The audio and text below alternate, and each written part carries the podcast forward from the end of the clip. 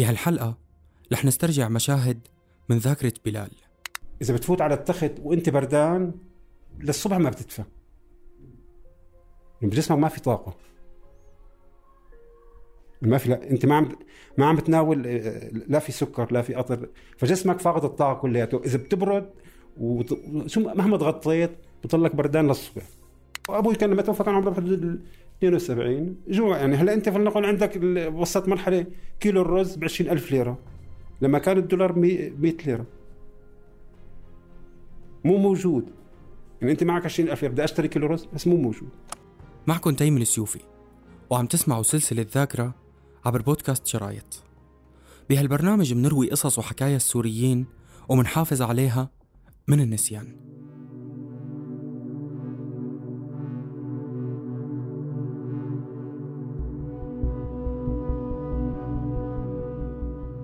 اليوم رح نسمع من بلال عن تجربة الحصار والجوع والقصف اللي عاشها بمخيم اليرموك. جرح نزوح عائلة بلال بلش من سنة 1948 وقت تهجر والده من فلسطين. فلسطيني مقيم بخيم اليرموك. العمر 55 الدراسة أنا خريج كلية زراعة. إيه مولود بسوريا؟ آه أبوي مولود بفلسطين. أبوي ده مواليد 43 طلع من فلسطين تقريبا عمره خمس سنين. هلا جينا على المخيم تعرف هاي رحلة العيلة يعني إحنا عائلتنا أول شيء من آه، طلعت من فلسطين باتجاه آه، جنوب لبنان. من جنوب لبنان إجت على على الجولان على قرية بدرعا اسمها تسيل. فيها أقارب إلنا موج- ساكنين فيها. هنا في يعني علاقات نسب وعلاقات ك- آه، قديمة. يعني جايين بهدف هاي القرية فيها يعني آه، نعتبر السوريين بس هن بالأساس آه، أقارب. بعدين إجوا نقلوا من درعا باتجاه المخيم. يعني سكنوا هن بالمخيم تقريبا بال 61 ب 62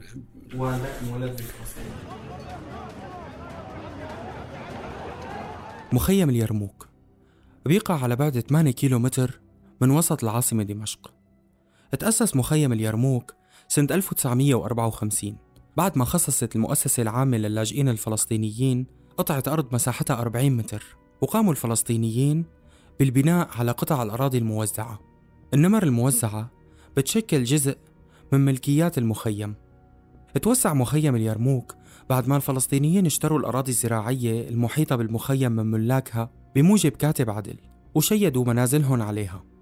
بتبلغ مساحة المخيم اللي كانت تتبع للإدارة المحلية التابعة لمخيم اليرموك حوالي 2 كيلومتر مربع. ووفقا لوكالة الأونروا بلغ عدد سكان المخيم الفلسطينيين المسجلين على قوائمها سنة 2011 160 ألف نسمة. بينما بلغ عدد سكان المخيم ومحيط حي العروبة وحي التقدم وجزء من حي الحجر الأسود وحي التضامن مليون نسمة.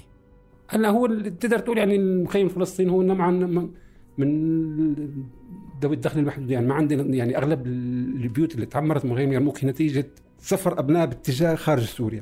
يعني لما تعمر بيتنا إحنا أبوي كان يشتغل بليبيا. يعني ما قدر يعمره حتى راح على ليبيا وجاب وعمر ال- البيوت والبيوت تعمرت على مراحل. يعني ما إجت إنه إحنا بيتنا تعمر دفعة واحدة. عمرنا غرفة وسعنا البيت زدنا شوي شوي شوي حتى صار بهذا الشكل. هاي كل بيوت المخيم بهذا الشكل تعمرت. بداية الحراك السلمي بسوريا سنة 2011 كتير من سكان مخيم اليرموك صاروا يشاركوا السوريين بالمظاهرات ضد نظام الأسد. واستمرت المظاهرات بالمخيم حتى قررت فصائل الجيش الحر إنها تسيطر عليه. احتمال هي قضية الجغرافيا لعبت دور يعني الجغرافيا إنه هو بالأساس بمنطقة هو مدخل منطقة منطقة جنوب دمشق كلياتها. يعني مدخل للحجر الأسود ويلدة وببيلة وبيت سحم. لتوصل للمنطقة كل هاي المنطقة كان مدخلها الشمالي هو مخيم اليرموك هلا بلشت لما بلشت الأحداث وبلشوا يسيطروا على هاي الأحياء. صف عندنا المنفذ الوحيد اللي خار- خارج آه، آه، زي ما نقول اللي نوعا ما ما بتقدر تقول مع النظام أو مسيطر مسيطر عليه الجيش الحر. إنه هاي مفاهيم تغيرت. يعني إحنا زمان كنا نقول جيش حر بعد فترة تكتشف مفاهيم جديدة. كان هو مدخلها الوحيد. بعد ما الجيش الحر سيطر على المخيم سنة 2012 و2013 بلش النظام يضيق على السكان. هلا المخيم ازمته الأساسية بلشت تقريبا بنهاية شهر 12 2012 هلا ضل الطريق مفتوح لشهر 7 2013 ضل الناس تفوت وتطلع وتفوت آه، الأكل بس بكميات محدودة. يعني بيسمحوا لك مثلا وأنت فايت ربطة خبز كيلو كيلو بندورة كيلو بطاطا يعني كمية كثير محدودة. اغلق المخيم ب 17 7 2013 حاجز المخيم هذا الموجود على مدخل المخيم. اغلق وما عاد انفتح هلا لما أغلق كان بتذكر بشهر رمضان. طبيعة السكان بتعرف المخيم هو طبيعة مدنية ما في عندهم هاجس التموين. يعني الواحد زمان تربى إنه بده رز بروح بجيب كيلو رز بطبخ فلما انغلق المخ... المخيم الأرزاق الجافة دغري نفذت من المخيم. بلال وأغلب سكان مخيم اليرموك من أصحاب الدخل المحدود وهذا السبب اللي خلاهم يخاطروا بحياتهم ويبقوا ببيوتهم المتواضعة تحت القصف والجوع. هلا هذا بيتي اخر شوف أنا مرتبط بعائلتي يعني عندي أمي وكان أبوي كبير الله يرحمه. يعني أنت في عندك كثير وما في عندك إمكانيات تستأجر. يعني أنت أنا موظف راتب 40000 بعطيك الفترة كان. طب إذا بتطلع أستأجر كان الأجار 60000 طب من بدك تاكل؟ من تشرب؟ يعني قضايا مادية. يعني إذا بتطلع انت من المخيم بدك تستأجر بيت. بدك تجيب عيلتك وتجيب أمك وأبوك وأخواتك وتشكلوا ما عاد في مجال تقدر تستاجر بالشام.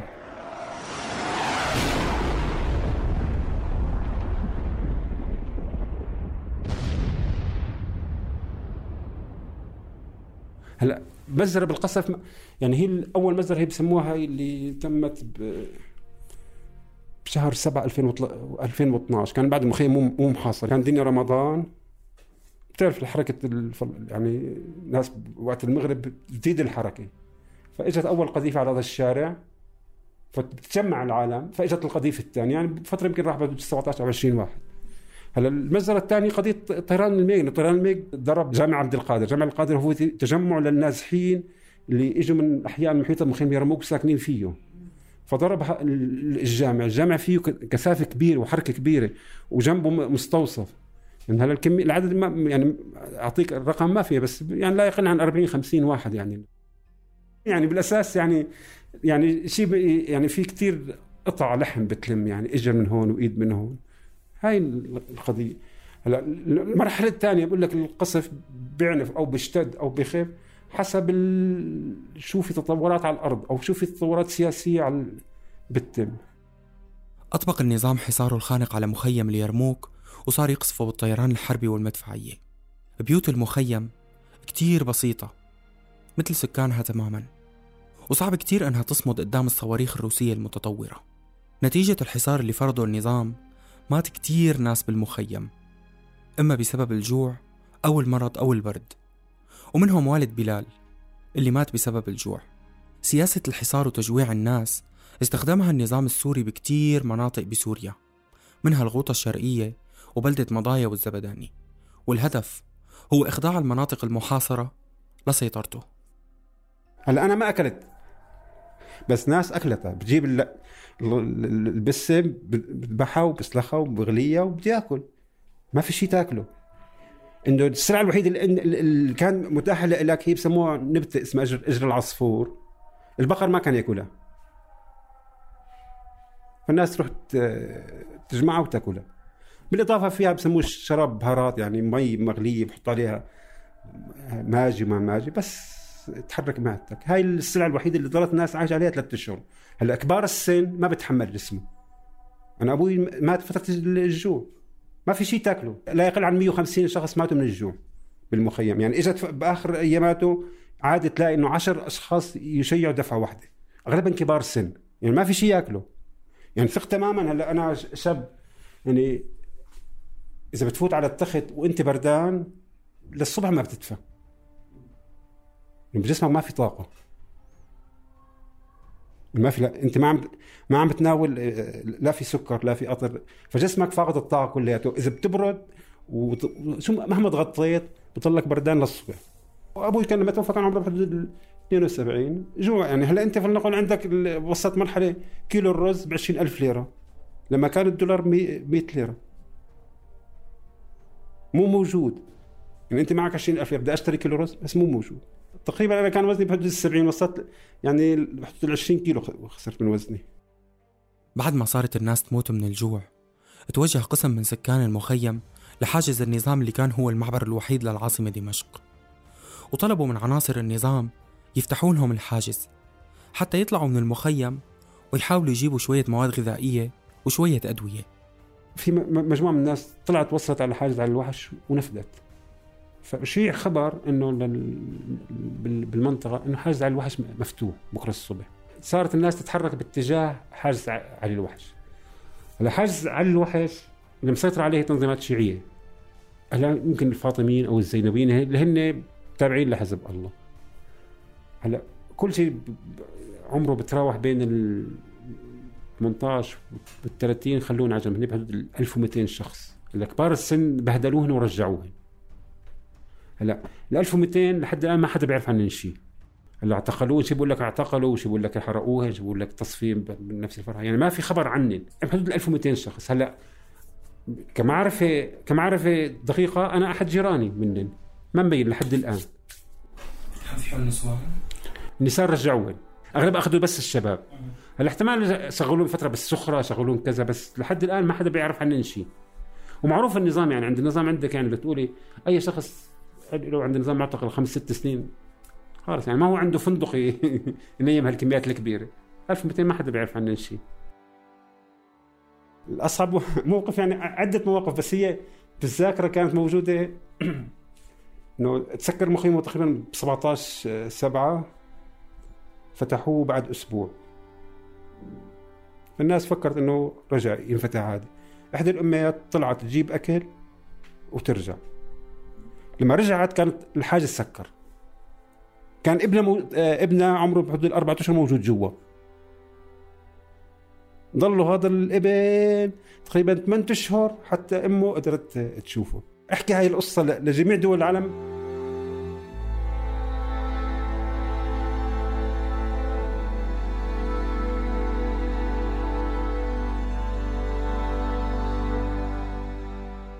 بخطة ممنهجة. صار نظام الأسد يسهل عملية دخول عناصر من تنظيم داعش للمخيم. بالوقت اللي كان فيه النظام عم يعتقل أي مدني عم يحاول يدخل أو يطلع من المخيم. باليوم اللي تسك بلشت فيه أزمة المخيم تم إفراج الإفراج عن عدد كبير من اللي كان موقف موقفين على أساس أن تيارات دينية بصيدنايا وإجوا على المخيم. بعد فترة صاروا أمراء. أطلق سراحا. في من لما لما يفرجوا يفرجوا عن أي مسج بختموه على إيده ختم إنه هذا أخلي سبيله من فرع كذا. برجي بفوت. ما كثير هابط الدين. أنا ما شخص متدين يعني. يعني إنسان يساري يعني. وماشي شوي شوي يعني مليح استوعبت الوضع كلياته. وما كثير أفوت بالأمور. هلا لنا فتاوينا الخاصة فيه يعني أي واحد بيثبت عليه إنه كفر بيعدمه أي واحد بيثبت عليه إنه بالأساس إنه تعرف إنه المرحلة مروا بعدة خلاف. أول مرحلة كانوا كثير علاقات متوترة إنه جبهه النصرة. إنه رغم إنه نفس الشيء. فترة من صار ببلاد قتال. فإذا أنت بالمنطقة اللي مسيطر عليها الدولة عرفوك أنت يعني على اتصال مع جبهة بيقتلوك. ونفس الشيء الجبهه إذا عرفتك على اتصال مع الدولة بيقتلوك. وغيرها إنه عميل للنظام وعميل النظام. هاي أغلب الأعدامات. أما هن يعني إنه قاموا بفعل مزرة بالمعنى الحرفي ان توصف ما هي مزرة إنه بس هي العدمات فردية. ما كنت أتابع. كان في ساعة ما كنت ما رحت أتفرج يعني ما بحب أتفرج على هيك مناظر. ما ما هاوي إنه أتفرج على كيف من عدم البني آدم. موجودين إيه سموها يعني حتى هي هي الساحه سموها ساحه الروس هي. تقريبا على مدخل الحجر الأسود. سيطروا عناصر تنظيم داعش على مخيم اليرموك. وصار النظام يزيد حدة القصف والتدمير أكثر من قبل. بدون أي رادع وأي حملة كانت تصير حتى النظام يفك الحصار عن المخيم أو يوقف القصف. كان يتحجج بوجود عناصر تنظيم داعش وإنه هو عم يقضي عليهم. التدمير الكبير هو بفعل الطيران الروسي. قصف المخيم. يعني الروس عم تقصف ما في هدف عسكري يعني. يعني الهدف تدمير. يعني أنت بالمقابل أنا عم الكثافة النارية الكمية الهائلة من القصف الطيران الروسي على المخيم بده يكون عدد مقابله من داعش قتل ما قتل حدا. حتى بيقولوا يعني كانوا داعش ينسحبوا من حي يبلش القصف على ضل حي لا شئنا ولا أبينا يعني الجيش الروسي بقصفه بما يخص موضوع المخيم كان عم بيلعب دور المافيا. أو زي ما نقول جيش المرتزقه كان عم بهدف جيش روسي له عقيدة قتالية وله مخطط وله أهداف مدروسة. يعني بس بده يجيب بالهد الصاروخ ببنايه بيجيبها بدقة. بس بتحسه عم كان عم بارس هدف قصف عشوائي. بلال بيشوف إنه تدمير المخيم كان بخطة ممنهجة ومتفق عليها من كل الأطراف اللي كان مخيم اليرموك بشكل عبء عليهم. مشكلة المخيم يعني يعني كل كل القوى صفت حسابها على على حساب المخيم. يعني يعني حتى السلطة الفلسطينية ومنظمة التحرير بدها تخلص من ملف اسمه ملف اللاجئين. عبء عليها بالنسبة له. هلا حتى موقف السلطة يعني محمود عباس يعني انحرق مر بعدة منعطفات المنعطف الكبير هو وصار يعني هو بالأساس يعني بين مد وجزر باتجاه النظام السوري. يعني هو بالأساس يعني شئنا ولا أبينا يعني محمود عباس هو وريث حركة فتح حركة فتح علاقاتها ما كثير جيدة مع مع النظام.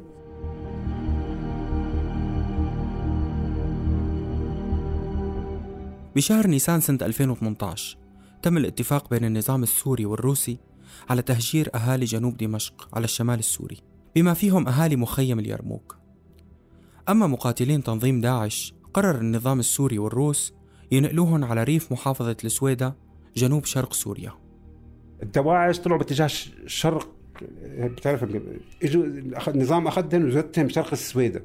وبقولوا هن إجوا من خيم اليرموك الجزء الكبير منهم ما هن فلسطينية. يعني ما بقول لك إنه في جزء منها فلسطيني بس تقدر تقول الأغلبية ما هن فلسطينية.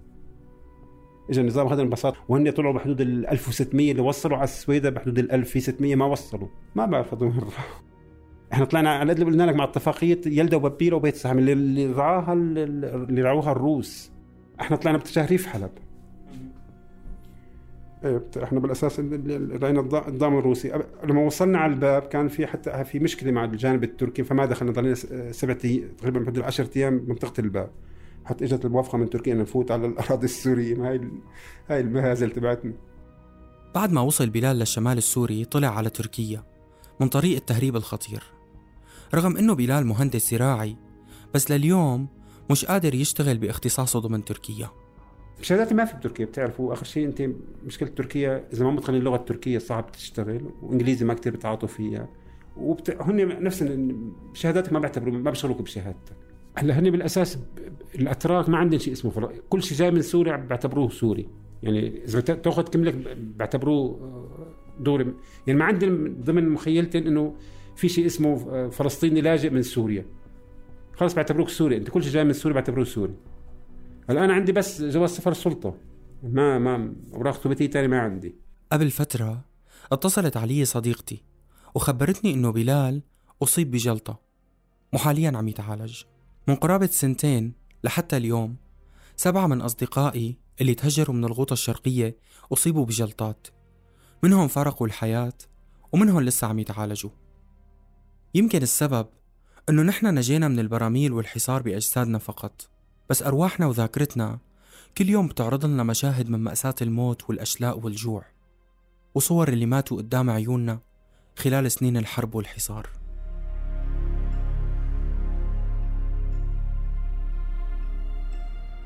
غيرت اسم الضيف حفاظا على خصوصيته. كنت معكم بالإعداد والتقديم أنا تيم سيوفي اشتركوا بقناة البودكاست على أي تطبيق عم تسمعونا من خلاله. واستنوا قصص سورية محفورة بالذاكرة. بودكاست شرايط من إنتاج صوت.